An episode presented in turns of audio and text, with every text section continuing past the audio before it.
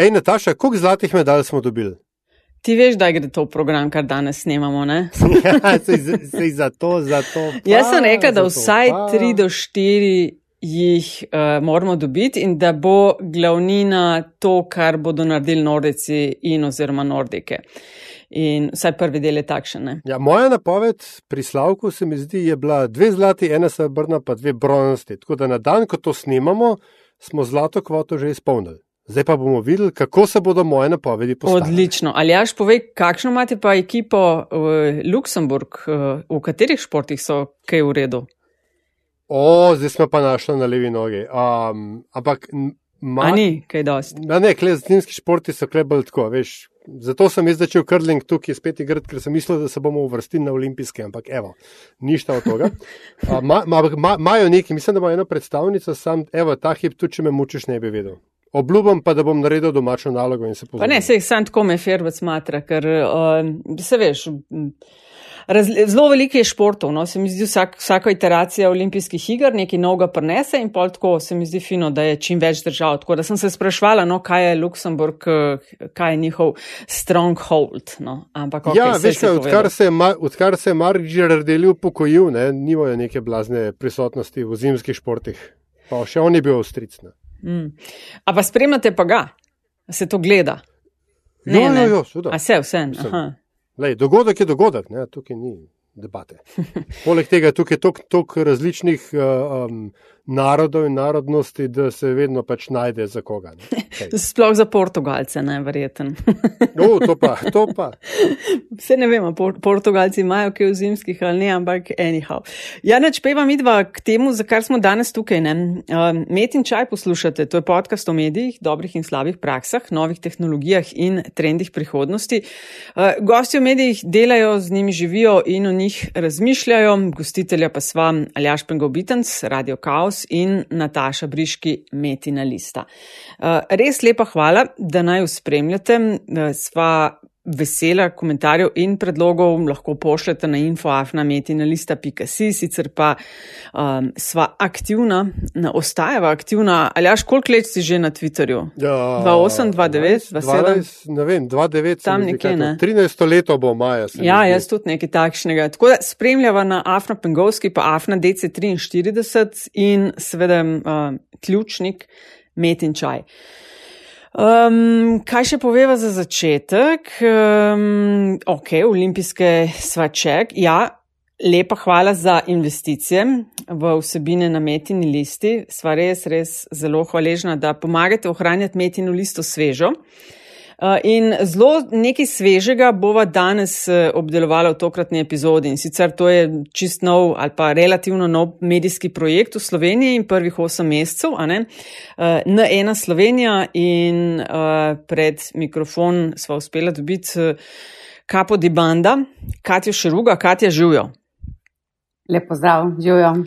Katja, na zadnje smo se slišali novembra 2017, takrat si mm. bila v vlogi direktorice uredništva medijev v skupini Večer. Za tiste, ki mogoče niso poslušali tiste dve epizodi, v katerih si že nastopila v metinem čaju, a lahko povzameš um, na kratko tvojo medijsko kariero, tako, kaj si počela, kaj počneš.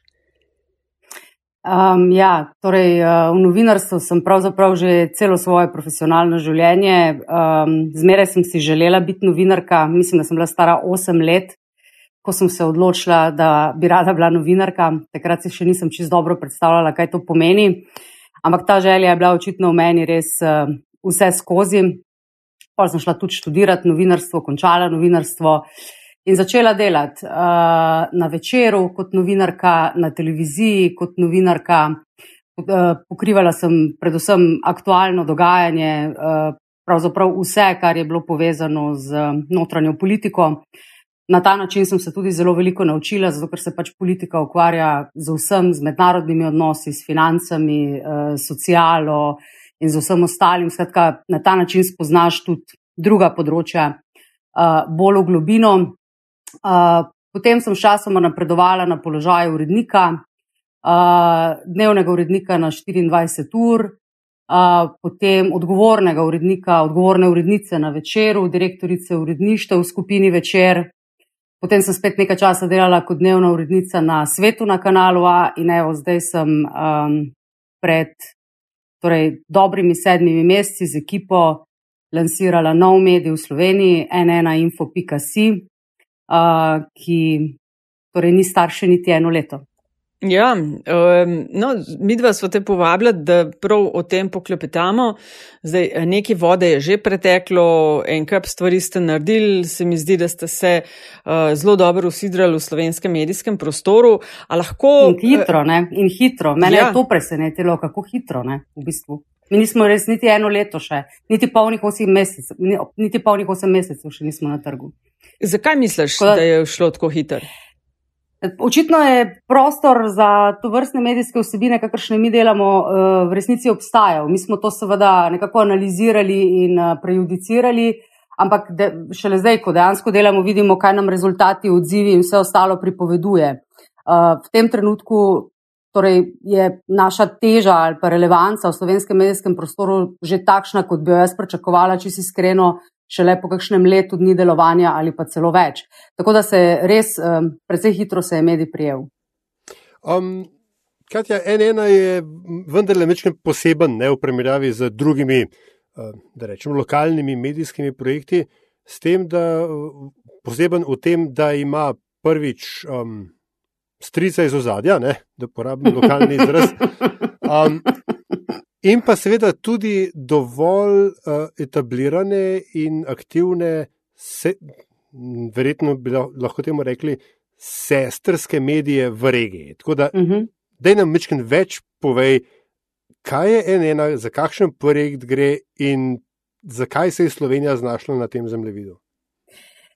Torej, NN je, uh, deluje v okviru skupine United Media, ki deluje v okviru skupine United Group. To je res, uh, res velika, velika korporacija, ki se ukvarja s telekomunikacijami, mediji in tudi s kakšnimi drugimi dejavnostmi.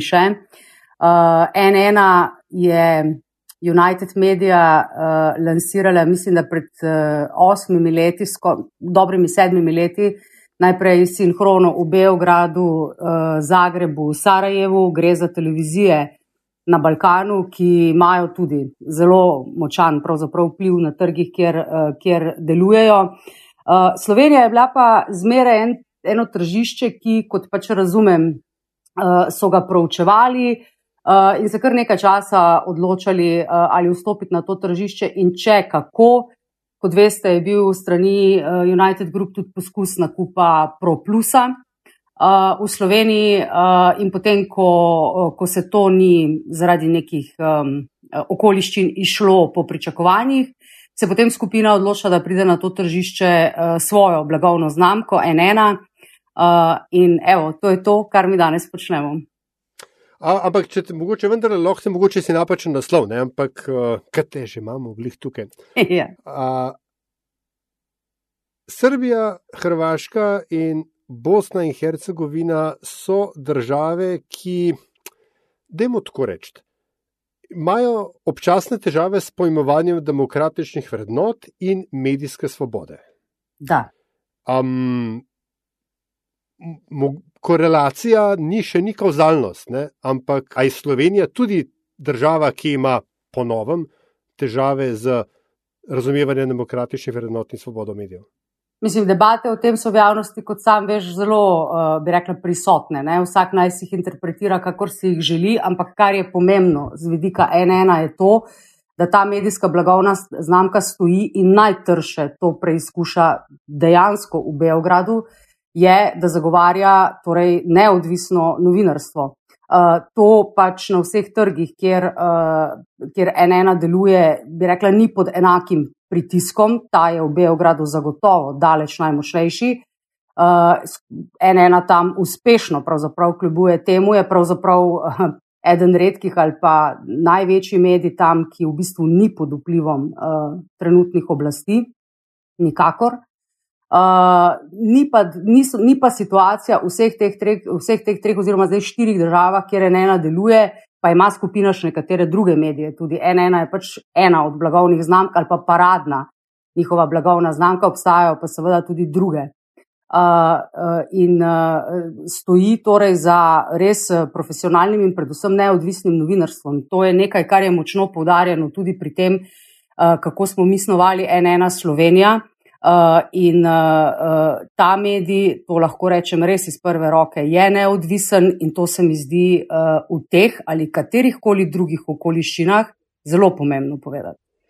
In verjetno je tudi to eden od razlogov, očitno ga ljudje, bralci in bralke, pa tudi gledalci in gledalke, tako dojemajo, si poskušam razlagati ta, bom rekla, nenaden ali pa zelo hiter uspon, da ste tako rekoč v slabih osmih mesecih eh, postali faktor pač na slovenskem medijskem zemljevidu. Ne.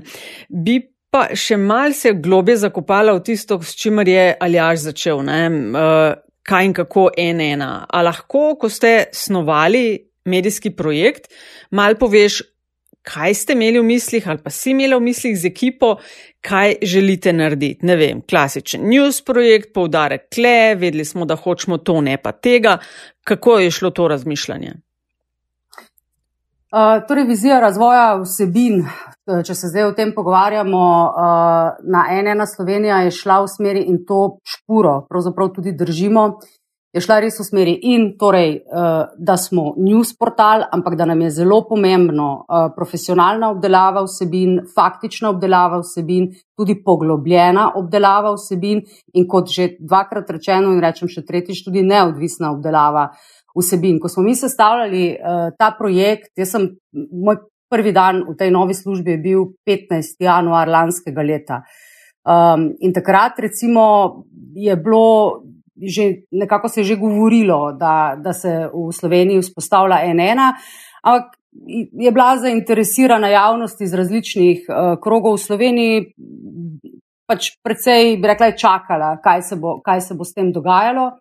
Um, in bolj kot smo recimo eh, gradili ekipo, bolj kot smo recimo, ko je postajalo jasno, kam gremo, že zaradi ljudi, ki so se priključevali, med njimi tudi nekatera res pomembna imena slovenskega novinarstva. Uh, več je bilo, recimo, špekulacij, da eh, bo zdaj taka agenda. Aha, ne, ne, ne, ne to bo zdaj taka agenda. Ne. Vsakič, ko se je recimo kdo od um, bolj znanih slovenskih novinarjev priključil, priključil ekipi in se je za to zvedlo, uh, uh, je neka okolica ugibala o tem, uh, kakšna bo zdaj naša agenda.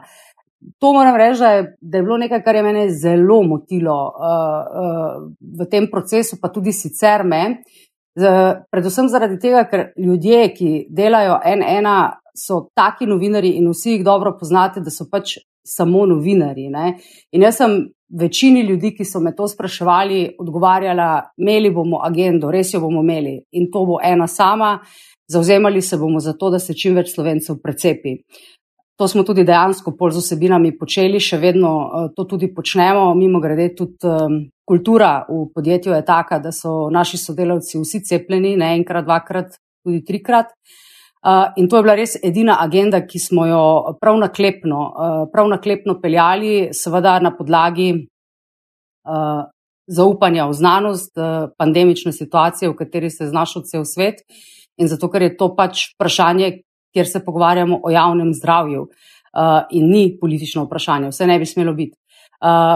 Uh, in ko sem jim to rekla, so, so, so se mogoče malo umaknili ne, iz, iz tega ugibanja, kakšno agendo in za koga in v imenu koga bomo mi zdaj peljali. Mi bomo delali novinarstvo, mi bomo delali profesionalno novinarstvo, mi bomo delali neodvisno novinarstvo in to tudi počnemo. In očitno, res, glede na uh, to, Eh, kako se je medij v res hitrem času prijel, uh, je to bila uh, pot, uh, prava pot, ki smo jo pravzaprav začrtali. Ampak to je bilo nekaj, kar je bilo tako ali tako jasno od samega začetka. O tem nismo izgubljali pretirano besed. Več smo se ukvarjali seveda s tem, uh, na kakšen način bomo obdelovali vsebine. Kako bo recimo sodelovala in na kakšen način in ob katerih dnevih, recimo ekipa, ki jo vodi Suzana, se pravi poglobljeno, kaj bomo počeli, recimo, um, z vsebinami iz črne kronike in na kakšen način jih bomo obdelovali, kje bomo imeli poudarek, kaj nam je pomembno, kaj nam je manj pomembno, kako bomo delali selekcijo dnevnih informacij, kako bomo zgrabili recimo neke dogodke ali pa neke pojave. Uh, tukaj smo, recimo, bi rekla, uh, porabili, porabili največ energije, da smo um, uh, nekako uh, začrtali smer, po kateri gremo, in med drugim, recimo, uh, vse to, kar počnemo, in tudi to, da je naš ton podajanja informacij, analiz, ozadji, kakorkoli, morda malce bolj umirjen kot ne, um, je prijelo. Mm. No, uh, si, vprosti, Nataša, ampak mogoče, mogoče bomo o um, samem spopadanju z realnostjo slovenske medijske krajine verjetno še kakšno rekli, ampak ko si ravno načela oblikovanje agende, ne, da ne govorimo o vprašanju, čigavi so. Ne, ja, um, sej, ja, ne, sej za to gre. Ampak ja. en ena se je pojavil, pojavili ste se na, na, na trgu v času, ko je postajalo jasno, da znanost ni to, kar smo do nedavna o njej mislili, se pravi, da se svet ne reši ob koncu filma za razvoj cepiva, ampak da se druge počas takrat šele začenja, da je, da je dvom v vse okoli nas dosti bolj prisoten, dosti bolj najadajoč, kot si bil marsikdo med nami pripravljen priznati. B, da um, fact-checking, oziroma preverjene dejstvo, da ima tudi ta sveti gral novinarstva svoje omejitve. Um, in pa seveda C, da se včasih počutiš, kot da bi govoril o zidu, pa če tudi ne samo veš, da imaš prav, tudi drugi vejo, da, ima, da imaš prav, ampak se še vedno obnašajo, kot, kot da nimaš prav.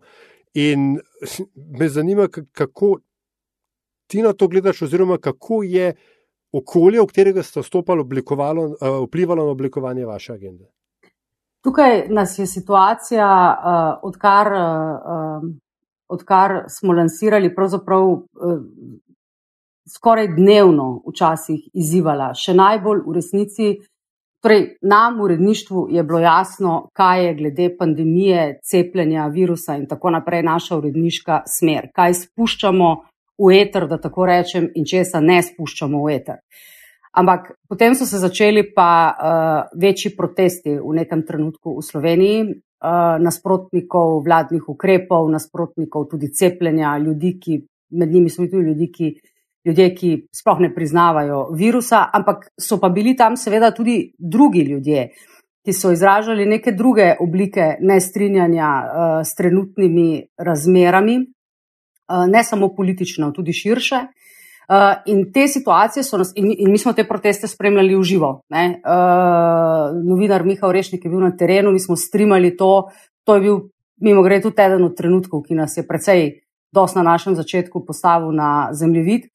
Ampak tukaj smo imeli nenehno, nenehno dileme in celo tudi, seveda, pritisk iz okolja, Eh, mi namreč nismo objavljali izjav uh, uh, ljudi, ki so protestirali, mi nismo objavljali govorov ljudi, ki so se zbirali večinoma na Trgu republike in potem krenili po ljubljanskih ulicah.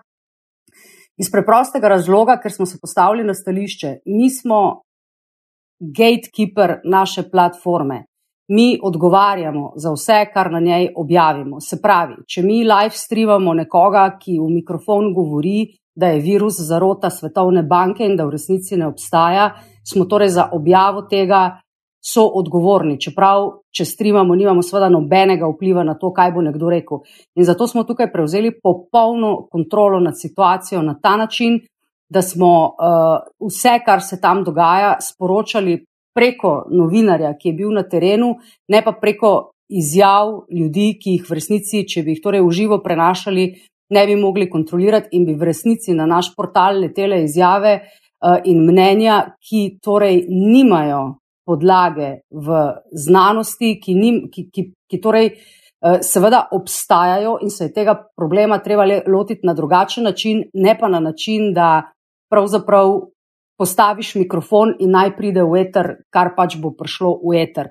Na to smo bili še posebej občutljivi iz preprostega razloga, ker, kot rečeno, gre za vprašanje javnega zdravja, ker je na podlagi vseh znanstvenih, relevantnih, racionalnih in vseh drugih dognanj jasno, kaj je treba narediti, eh, zakaj se je treba zauzemati, torej za čim večjo precepljenost eh, prebivalstva. Uh, in tukaj smo dejansko bili uh, večkrat sicer uredniško izvani, ampak vsakič smo, recimo, smo ostali na tem stališču, čeprav smo slišali tudi nekatera mnenja precej relevantnih ljudi, ki jih cenimo, ki so pripovedovala, da je pa pravzaprav treba odpreti razpravo med ljudmi, ki, so, ki zagovarjajo recimo cepljenje in ki ne zagovarjajo cepljenja. Kajti razlika je med ljudmi, ki so imeli samo morda ali pa še imajo neke pomisleke okrog tega in seveda med uh, antivakseri, ki jih verjetno nič na tem svetu ne, ne more prepričati uh, uh, v nasprotno od tega, kar si mislijo. Ne. Tako da smo potem seveda tu se je odprlo eno popolnoma novo polje, bi rekla, uredniškega razmisleka, kako torej uh, ljudem pomagati, tistim, ki kolebajo, ali naj se cepijo ali naj se ne cepijo, kako jim pomagati uh, na nek način, ki jim bo razumljiv in ki se jim jih bo prijel ali pa morda prijel, odpravljati njihove dvome, ki so pa bili pri barsikom pač popolnoma upravičeni ali pa pač posledica tega, da, da se mogoče kdo ni tako zelo poglabljal v ta vprašanja, kot smo se novinari ali pa, ali pa kdo drug. Um, in potem smo tudi tukaj, recimo, začeli, uh, bi rekla, pripravljati neke vsebine, prav tudi ciljano za, za, za te ljudi. Uh, Uh, in mislim, da smo tukaj, no, kot res mlad medij, ampak to nam je bilo zelo pomembno, odigrali uh, silno, silno konstruktivno vlogo uh, v tej pandemiji, za katero upam, da se bo res čim prej končala. Mimo grede, pozdravljam iz uh, karantene. Uh, ne, nič hujše, mislim, ni uradno karantena, ampak je zaradi stika preventivno, preventivno danes delam od doma. Uh, Um, ampak upam, da bo, upam, da bo, um, upam, da bo čim prej tega konec no, in da se bomo vrnili lahko v normalno življenje. Res. Katja, prej si omenila, da je šlo zelo veliko vašega razmisleka v smislu, kako boste kaj pokrivali, čemu dal prednost, česa se lotiti in česa ne. Um, kakšen je bil rezultat tega razmisleka? No? Mislim, a se da mogoče mečkam konkretnejše reči, ok, kle smo že v štartu, prav zdaj si razložila za uh, to, kako ste se lotili enega večjih projektov, s katerimi se mediji ukvarjajo zadnji dve leti in sicer to je ta zdravstvena velika kriza. Uh, ampak Ker si rekla, da ste malce odločili tudi na podlagi ekipe ali pa ljudi, ki ste jih zbirali, ne? seveda nimaš v štartu že takoj 200 ljudi, s katerimi delaš in lahko pokrivaš glih kar hočeš, ampak prilagodiš verjetno vsebino tudi tistim, ki jih imaš v ekipi. Ne? Ampak deloma zelo to. Kaj ja, kaj ne. ne? Ja, mislim, torej. Vsi, če spremljate ena, ena, potem vidite, recimo, teme, na katerih imamo uh, več podarka, in teme, na katerih imamo manj podarka. Torej, uh, pomembne za nas so, najbolj pomembne za nas so relevantne teme, torej teme iz aktualno-družbenega dogajanja, doma, tudi po svetu, za katere pač ocenjujemo, uh, in neki fenomeni, pojavi, ki jih je ravno epidemija, mimo grede, prenesla res uh, ogromno, uh, ki jih obdelujemo na seriozen in profesionalen način. Uh, in tudi malce bolj v globino, kot mogoče samo instant novice. Seveda najdete na našem portalu tudi hitre novice, vse smo na vse zadnje news portal, ampak tisto, kar nam je pomembno, tisto ob, si vzamemo tudi nekoliko več časa in tisto obdelamo, uh, ker pač premislimo o tem, da je neka tema. Po naši oceni v nekem trenutku pomembna. Na ta način se obračamo. Zdaj pa v to lahko pade, seveda, karkoli, ne, odvisno zakaj gre, ampak od zadaj vedno stoji nek uredniški razmislek, manj je te neke inercije.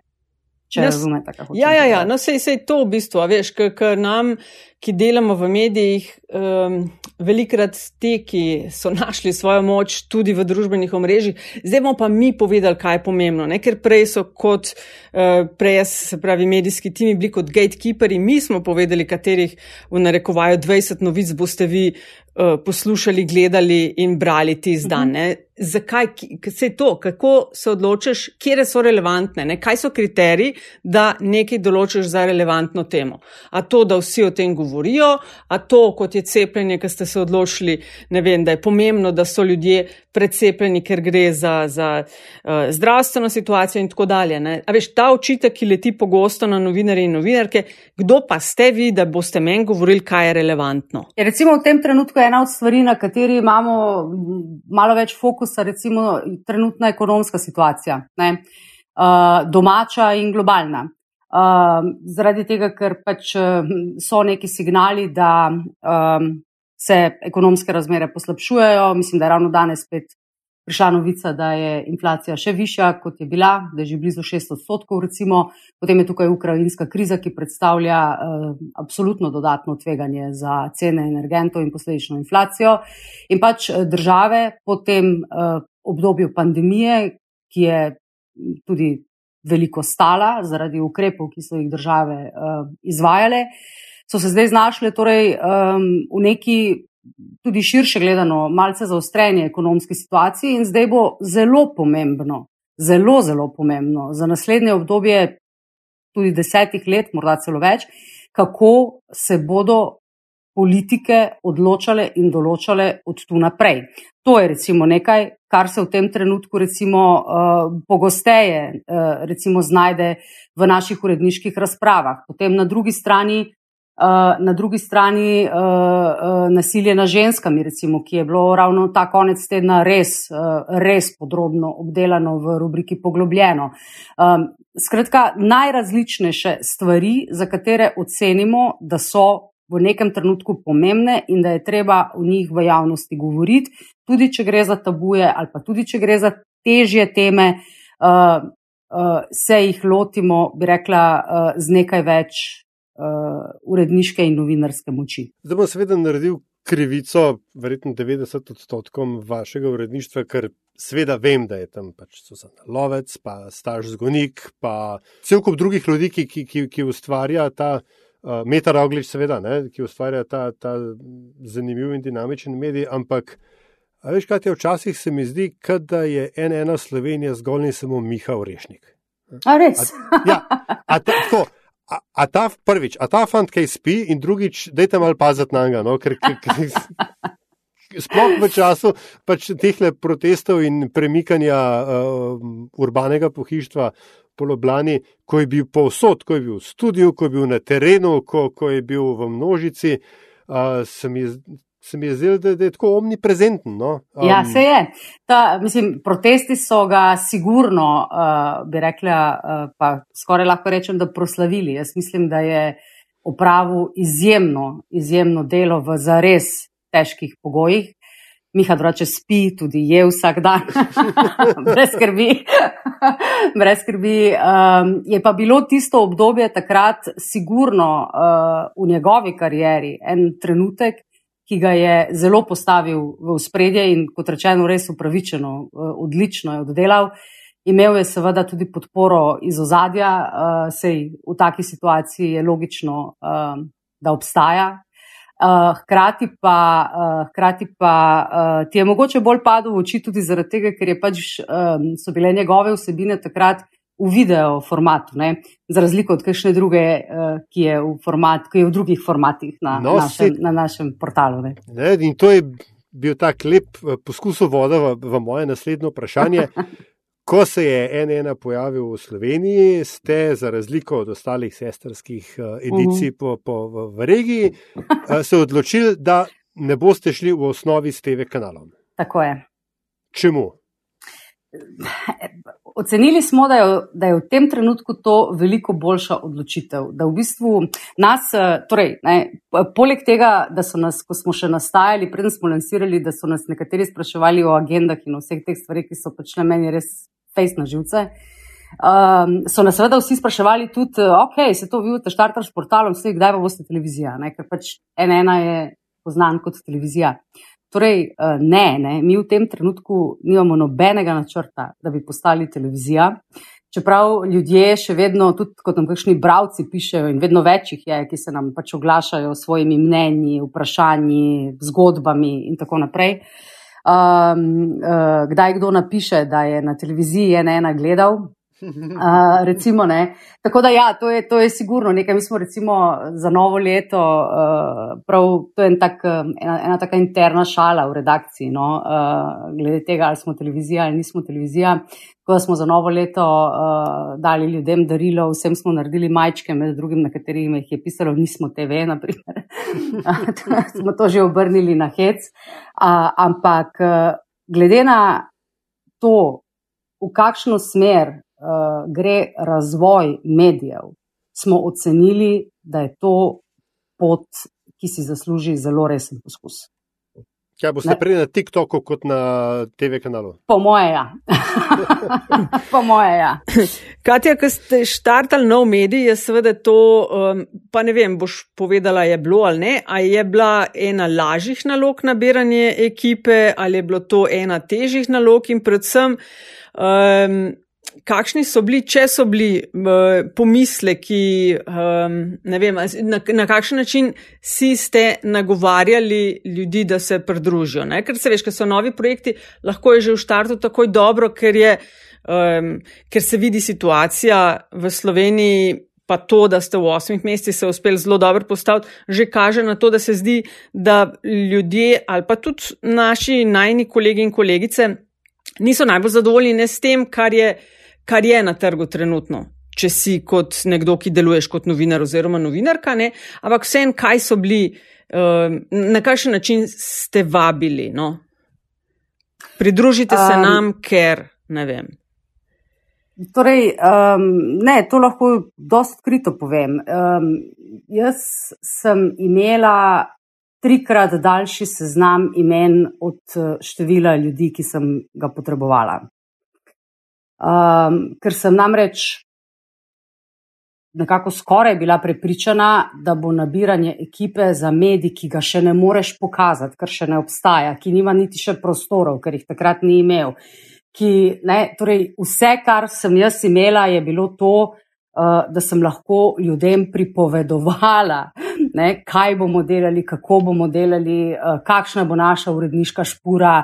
In v bistvu pravzaprav bila odvisna od tega, ali mi bodo verjeli ali ne. Ker namreč 15. januarja, ko sem jaz bila prvi dan v tej službi, ni bilo nič. Ne. To je bil čas trde korone, ko je veljalo bodi doma. Um, nikjer ni bilo nikogar, uh, jaz nisem imela pisarne, nisem imela, mislim, nisem imela niti fascikla, v katerega bi recimo kakšne pogodbe uh, ali podobne stvari recimo na začetku spravljala. Res, kot en startup, sicer pa seveda z močno podporo skupine, to, ja, to je jasno. Ne. In uh, vse, kar sem imela, je, je, so bile besede, ne, um, kaj nameravamo narediti, kako mislimo delati, kako mislimo pač se pozicionirati. Ampak prepričana, da, da bo nabiranje ekipe res velik zalogaj, je bil torej moj seznam um, trikrat daljši od števila ljudi, kot je bilo na začetku predvideno, da jih uh, potegnemo v ta uh, projekt. In kar me je res presenetilo, je bilo to, da je približno tam 97, 98 odstotkov najprej nagovorjenih, tudi na koncu reklo ja. Torej, ne, um, večina, velika večina ljudi, ki so bili moja prva izbira, vsaj za ključne pozicije znotraj novega medija, je rekla ja. Uh, ljudje so imeli za to različne razloge, o katerih seveda ne morem govoriti, um, ampak si pa lahko, lahko predstavljamo, da tudi kaj pomenijo. Um, in druga stvar, uh, nisem bila pripravljena na to, kako velik zalogaj je tehnična postavitev novega medija. To je bilo, uh, v nekem trenutku sem se že šalila, da bom počasi usposobljena tudi za šefa tehnike. Nikoli nisem želela o tehničnih vprašanjih vedeti toliko, kot vem zdaj, ampak je bilo treba. Uh, tam mi je šlo res uh, veliko, veliko energije, um, in uh, uh, na koncu uh, je bil recimo uh, kar challenge to, da smo našli uh, Mašo, to je vodja naše pisarne, ki je silno pomembna, zaradi tega, ker uh, skrbi za veliko zelo pomembnih stvari. In je pravzaprav uh, to delovno mesto office managerja um, pravzaprav zahtevalo človeka, ki ima zelo operativne sposobnosti in veliko različnih znanj tudi. Uh, in tu sem recimo porabila uh, precej več časa uh, kot, uh, uh, kot recimo pri um, iskanju novinarjev, če bi zdaj gledala proporcionalno, recimo, mm. ja, po človeku. Okay. Sam vprašanje direkt zate, zakaj si pa ti šla v ta projekt? Zaradi tega, ker se mi je ponudil izziv, da v Sloveniji naredim nov medij. In ta je bil um, tako velik, da, um, mu nisem mogla reči ne. Um, vsakdo od nas ima svojega boga, ne? tudi direktori medijev, kot so recimo jaz in Nataša. Ne? Kdo je pa te, pri tebi tisti, ki reče: Ne, ne, predrago. Oh, seveda, uh, absolutno. Uh, torej, uh, v United Media obstaja uh, direktorica in uh, board direktorjev, zadolženih za različne za različna področja in seveda oni so ti, ki rečejo, to je predrago. ne, ampak uh, niso tega veliko krat rekli, tudi to moram povedati. Verjamejo, verjamejo v ta slovenski projekt in uh, so tudi investirali van in mi gre še investirajo van, uh, jim je pomembno, da, da res uspe. In tudi no, nam. Uh, no, ker pod vprašanje, uh, kakšen je biznis plan uh, v grobem. Ne? Načeloma, nekoč v dobrih starih časih je veljalo, da rabi medij 3 do 5 let, da postane profitabilen. Tako, ja, mi v, trenutku, ne, mi v tem trenutku nismo profitabilni, mislim, no, no, to, je, ja, ne, ja. to je jasno. Uh, ampak imamo zaledje, uh, ki je finančno izjemno močno in v tem smislu uh, je torej tudi um, v, v, v tem trenutku ni nobenega pritiska v to smer, seveda so bili pogovori, seveda so KPI postavljeni, tudi o teh sicer ne bom govorila, ampak ja, seveda nekaj časa bo trajalo, ne, da, da, da pride do break-evna uh, in potem, uh, da postane medij tudi uh, profitabilen, zagotovo. Če ne boš morala, sem bila v Luksemburgu za zagovor. Vse hodim v Luksemburg. Res? Ja, ne, se najaviš, sram bav. Ja, hodim, hodim. Ti se pa izdala, v redu je. Ja, mi smo organizirani tako, da imamo mednarodni uredniški odbor in ta se uh, sestaja v Luksemburgu. Ja. No, evo, Aljaš, pa bomo mogoče lahko šla za, ja, boste no, šla lahko na metin čaj. Ja, ja, no, naslednjič gremo na pivo. Naslednjič gremo na pivo, jaz sem ja. sicer bila zdaj že, torej, ne vem, kolikrat v Luksemburgu in sploh še nisem videla Luksemburga, ker še ni bilo časa za to.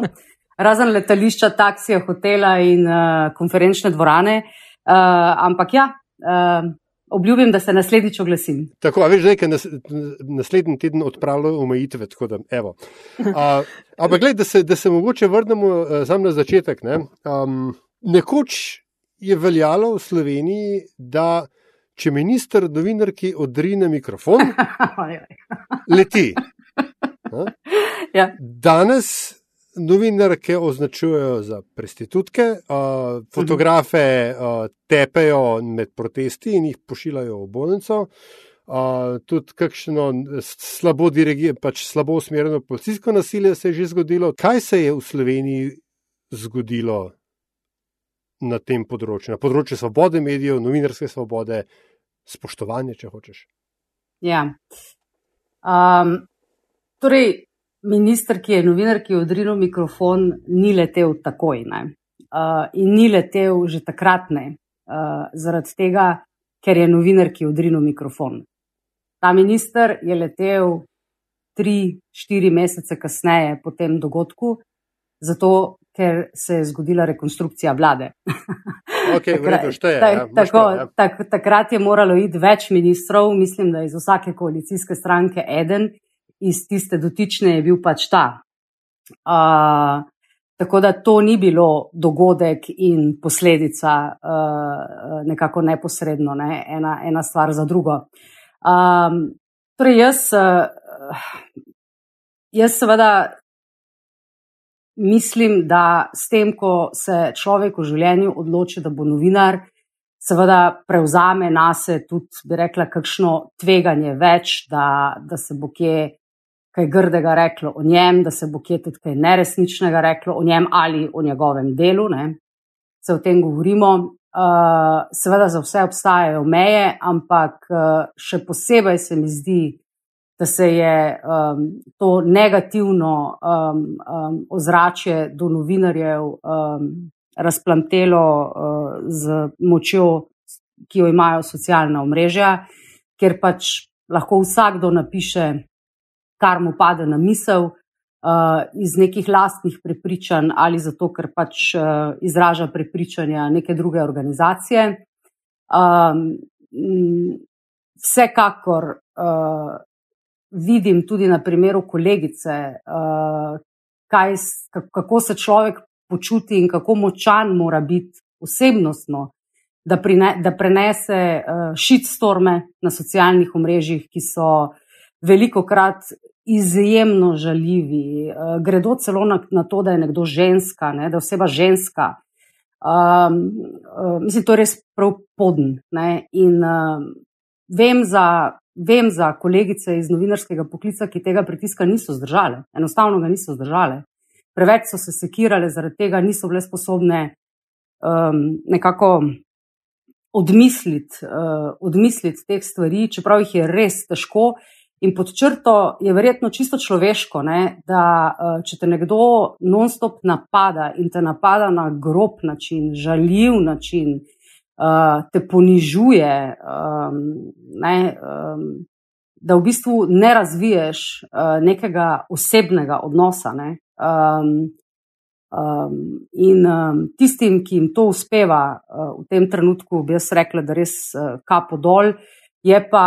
Uh, Na srečo obstajajo tudi kakšni mehanizmi, no, uh, niso čisto še dovolj, dovolj razviti, s katerimi se pa vendarle da uh, bi rekla, tudi um, to, kam prijaviti, tudi to, kam povedati, pa se mogoče potem kaj zgodi ali pa umiri.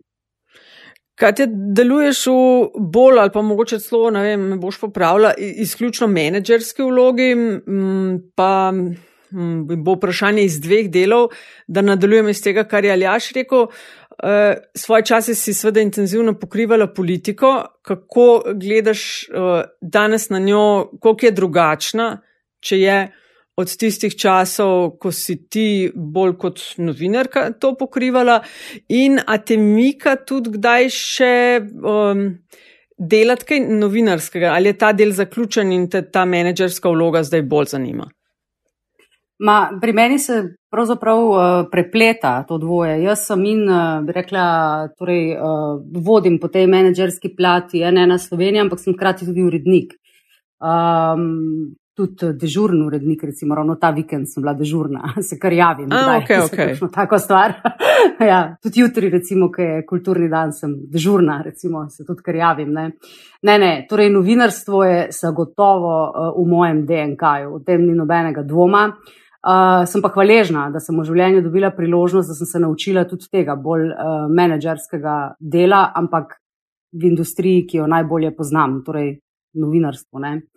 Um, to mi je pač dalo neko dodatno širino, neka nova znanja. Meni je to v življenju zmeraj bilo pomembno, da sem, da sem se lahko naučila novih stvari. To mi je vedno dajalo občutek, da rastem, da, da, da se bogatim v tem smislu znanj, veščin in izkušenj. Um, ampak seveda pa, mislim, potegne, torej, potegnete pa zmeraj ne, nazaj ja, k ja. osnovam. Ja. In, uh, to je nekaj, kar po moje iz mojega sistema ne bo šlo nikoli. Ja, kaj pa politika, ki jo gledaš danes? Ja, politika. Pa politiki in tako. Ja. um, kako se je spremenila? Um, torej, nekje vmes. Um, Nekje vmes, um, pa, pa evo, mislim, mislim, sem kot novinarka verjetno svoj čas tudi sama pri tem sodelovala, ampak mogoče je šlo malo preveč iz nadzora, da je, ali pa izpod nadzora to, da je, da je bil bolj pomemben šov od vsebine, da tako rečem. Uh, recimo, kar, kar mene, um, bi rekla, moti um, kot državljana, ne samo kot novinarja, novinarko je to, da, um, da, da ne vidim resne zauzetosti v politiki, da bi se ta ukvarjala s ključnimi strukturnimi težavami Slovenije, ki se samo poglabljajo, zato ker jih pač nihče dovolj resno ne uh, rešuje. Uh, in dlje časa, ko odlagaš problem, slabše rešitve ti ostanejo na voljo. Tukaj govorim o demografski podobi Slovenije uh, in končni fazi pokojninah naše generacije, če zbanaliziram uh, temo zdravstvenem sistemu, o katerem se dolgo pogovarjamo in se nič ne zgodi, ali pa se nič prelomnega ne zgodi. Prihajajo pa novi in novi izzivi, ne? tako kot sem prej rekla, po pač pandemski izčrpanosti javnih financ, skoraj povsod, pa tudi pri nas. ne, bo zdaj naslednje obdobje pomembno odločalo o tem, kakšen bo razvoj države v naslednjem, recimo, desetletju, ne, kam, uh, v katere investicije, uh, um, torej, ali se bo Slovenija sposobna, recimo, razvojno odbiti, ali se ne bo sposobna razvojno odbiti. Meni se to zdijo ključna vprašanja, ki vem, da so težka, ki mogoče niso rejtinška na prvo žogo. Ampak moti me, da v politiki ne vidim neke resne zauzetosti in zagretosti za dolgoročno reševanje ključnih razvojnih uh, izzivov in strukturnih težav, ki so se poglobile, um, uh, ampak vidim bolj življenje na en mandat. Ja, vse je zdrav, rekel, na desetih, desetih letih dodatno milijonček prebivalcev, pa bo, ne vem, kaj se sekiraš.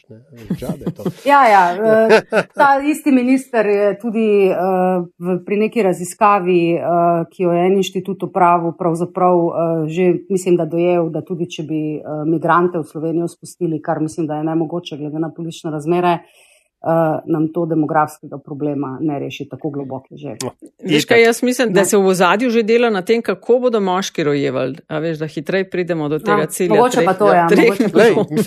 Ja, ja. Skrajni čas, kje je kle zdaj enakopravno spolov? Ja, um, bolj eh, kratkoročno vprašanje, ne, če smo že pri kratkoročnih eh, premislekih in razmislekih, a bojo na en ena predvoljena soočenja? Bodo, bodo. No, bodo, no, bodo. Povej ja, več, povej več. Ja, in potem boš spet rekel, da se ti zdi, da je urešnik edini. Ampak ne, ne, brez skrbi. Bodo, bodo. Uh, nismo še čisto betonirali uh, v tem trenutku našega volilnega projekta, ampak uh, nekaj idej smo že dali na mizo, o nekaterih še razmišljamo, o nekaterih ne, nekatere smo dali stran. Uh, ampak ja, seveda, mislim, bomo spremljali volitve z uh, vso resnostjo, ki jo premoremo, zagotovo. Jaz sem še eno. Nataša, hotel sem sam reči, da je zelo pomirujoče, ko Katja reče, da bodo to z vso resnostjo spremljali, ker če bi mi dva to rekla, ne, pol veš, kaj bi sledili, ne, da bi mi spremljali volitve z vso resnostjo, ki premoremo. Um, če niste zabetonirali projekta, daj povej, če so pa na avto delali, kaj stvar, ki ste rekli, da tega pa ne ne bomo recimo uh, hodili s kamero v dnevne sobe politikov in prikazovali, kako živijo v zasebnosti. uh, aha, ok. Tega recimo ne bomo delali. ne boste prikazali, kako so oni pa sicer Tako. izven parlamenta, izven kamer, Tako. kako radi mauzejo kravo kot zdravci in kako. Se vozijo s traktorjem, ja, igrajo ja. hokej. Tako. Na intervju s soprogami v kuhinji. Tako. A, okay. uh, še eno vprašanje, ki je, se mi zdi tudi um, kar med pomembnejšimi ali pa mu posvečajo nekateri veliko pozornosti, ko govorimo o medijih in sicer kako naj se novinari in novinarke narekovajo obnašajo na Twitterju. A ima N1 za svoje kakšna priporočila, navodila? Ja. Uh, obstajajo tudi znotraj skupine, uh, torej uh, dostojno, uh, ne uh, bi rekla uh, konfliktno, ampak seveda svobodno, kar se tiče izražanja nekih mnen. Ja. Ampak jaz mislim, da, ampak jaz mislim, da ena, ena, ena, nima, ena, ena nima tega problema, kot ga mogoče kje druge imajo. Aha, misliš, da že v štartu so novinari in če te prav razumem, ti, s katerimi sodelujete in ki so del ene, ena, že v štartu niso bili divjaki in divjakinje. Tako je. mislim, ok, se to sem ga to rekla. No. Se mislim, da brez da rečemo, vemo, o čem govorimo. Ja, ja, ja. No, ampak, ampak veš, vendarle, ne, to, je, to, je, to je vedno na nek način past novih medijev. Ne, ker ne glede na to, da pač si imela ime, znamko in firmo zadaj, ne, uh, verjetno si komu vendarle tudi morala, ali pa še boš morala reči ne, ne? Ali, pa, ali pa mogoče se kdaj, če več človek ne robe odloči, mogoče se kdo kaj razvije. Fajn je, da so pravila v štartu. Tam, ne ne ja, pa, da ja, za, za nazaj uveljavljaš. Ne? ne, seveda, vse so jasna. Sam, se pravi, ne samo, da so pravila jasna, tudi sicer. Mislim, to pri nas sploh ni tema, ker resnično mm. nimamo problema s tem. Okay, Preden gremo na zanimivost, no, še, še eno stvar. Eh, obstoječe tri, ne, sestrske televizije, tako, tako všeč mi je ta izraz, da, da, ja. da moram skozi uporabljati. Um, ja. Se mi zdi, da je eden od glavnih featurejev tega projekta v regiji tudi izmenjava vsebin. Uh Mhm. -huh. Tudi pri vas sem videl več vsebin, češ, ne, zgodilo se je na Hrvaškem, Srbiji, Bosni in. Hercegovini, kot, kot uh, v kakšnih drugih slovenskih medijih.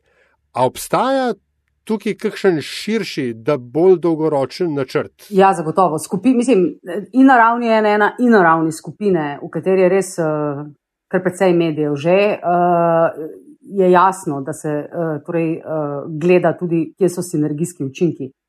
Um, pa ne samo zaradi sinergij kot takih, ampak dejansko, zato ker pač uh, uh, lahko nekdo nekaj, kar se dogaja ne vem, v Beogradu, veliko bolje pokrije iz Beograda, kot nekdo to naredi recimo iz uh, Slovenije, ne, nadaljavo.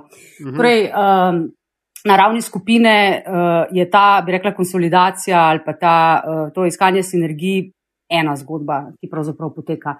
Uh, kar se pa tiče samih uh, štirih centrov, NN, uh, uh, mi imamo vsako jutro, uh, vse, vse štiri sestre, sestanek, uh, kjer se uh, zbrifiramo, kaj kdo počne, kaj se pri kom dogaja.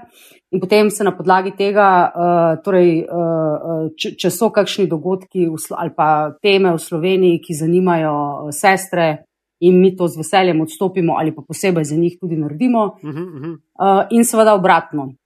Uh, recimo uh, naše poglobljene vsebine, recimo so, so vsebine, ki jih uh, uh, prevajajo vsi štirje centri ne, in jih uh, objavijo. Torej, naredijo se pri nas, s prevodom se potem objavijo v vseh uh, preostalih treh državah, recimo še.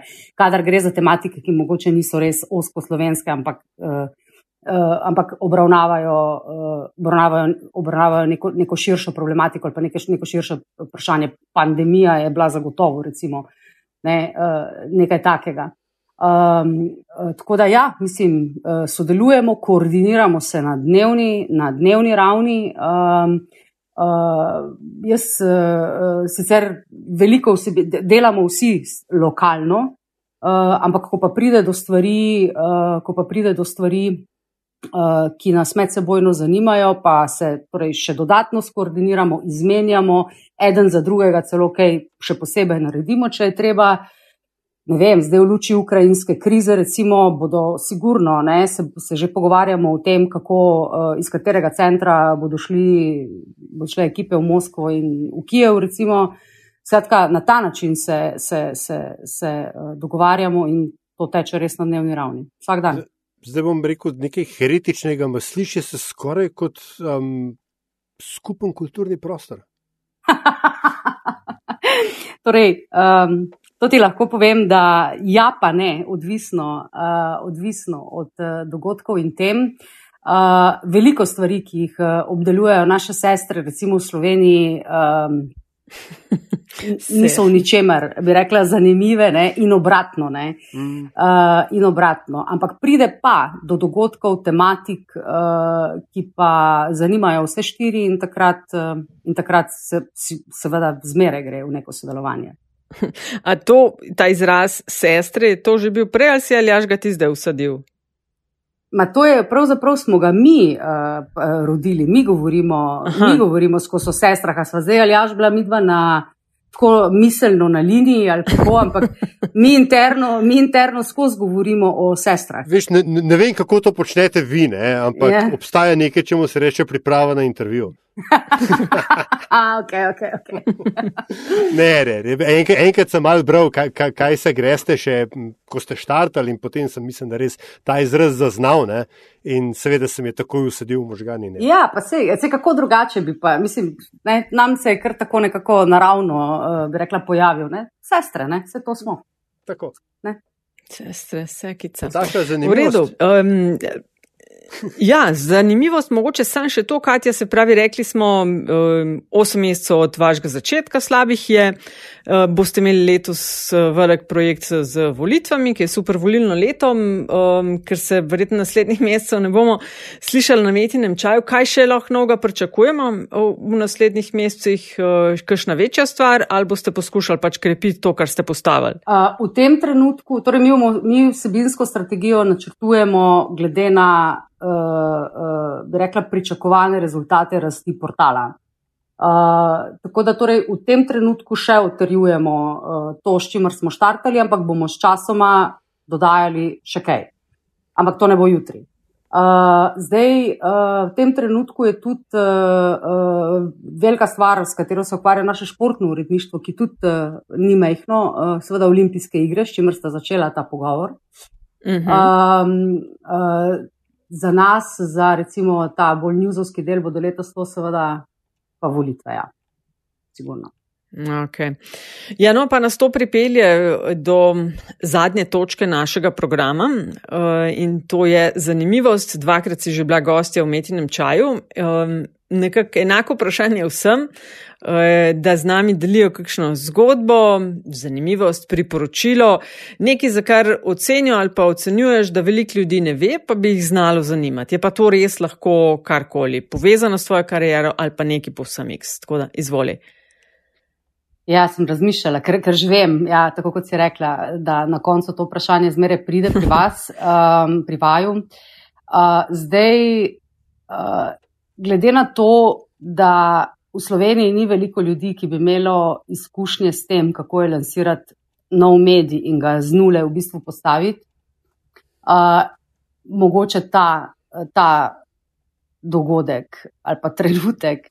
Um, Jaz si tudi nisem znala predstavljati, kako je, ko v bistvu delaš, se res trudiš, daš celega sebe in še več v nek projekt, in potem kako je videti ali pa ne, čutiti tisti trenutek, ko pač medij res lansira. Uh, in seveda sem pričakovala veliko več ne, od tega, kar se je zgodilo. uh, bilo je pa tako, torej. Uh, Dogovorjeno je bilo, da bomo iz 15. na 16. juni ob polnoči uh, online, ampak seveda, mi smo pričakovali tehnične težave, une težave, un, mislim, tako, nikaj ni, kar seveda. nismo pričakovali in na kaj nismo bili pripravljeni. V redakciji smo uh, bi, bile uh, Neda Dušenovič, šefica našega deska in jaz, in bil je uh, tukaj z nama uh, šef digitala United Media. Uh, mi dve smo še, vem, da še deset minut do polnoči, mi smo bili pripravljeni, da, bomo, da, bomo, da, bo, da bo nočna, ne, da, da, da bo tehničnih težav, kolikor hočeš, in da, in da bomo srečni, če bomo do jutra, ker se Slovenija zbudi, ne, res že online. Um, in jaz vem, da sem še tam par minut pred polnočjo, še neki, še neki sem prčkala po prvem nosilnem članku na portalu, ki je bil odklemna košaka. Uh, še nekaj sem, se mi je zdelo, da še moram še nekaj mogoče malo bolj spiliti. Uh, ko pride ta uh, uh, direktor digitala, tako pet minut čez polnoč do naju z Nedo, ki smo tam še ne imeli ogromno nekih stvari, in reče: Čestitam, online ste. In to je bilo to. in pa smo nazdravljeni in smo šli spat. da, to je bil big moment, ne, kako je ena Slovenija lansirala, mislim, noč vse skupaj ne šlo, je gladko, nobenih fanfar ni bilo nikjer, vsi so spali, ne, razen nas treh. Ne. Tako da to je to, prav nič posebnega.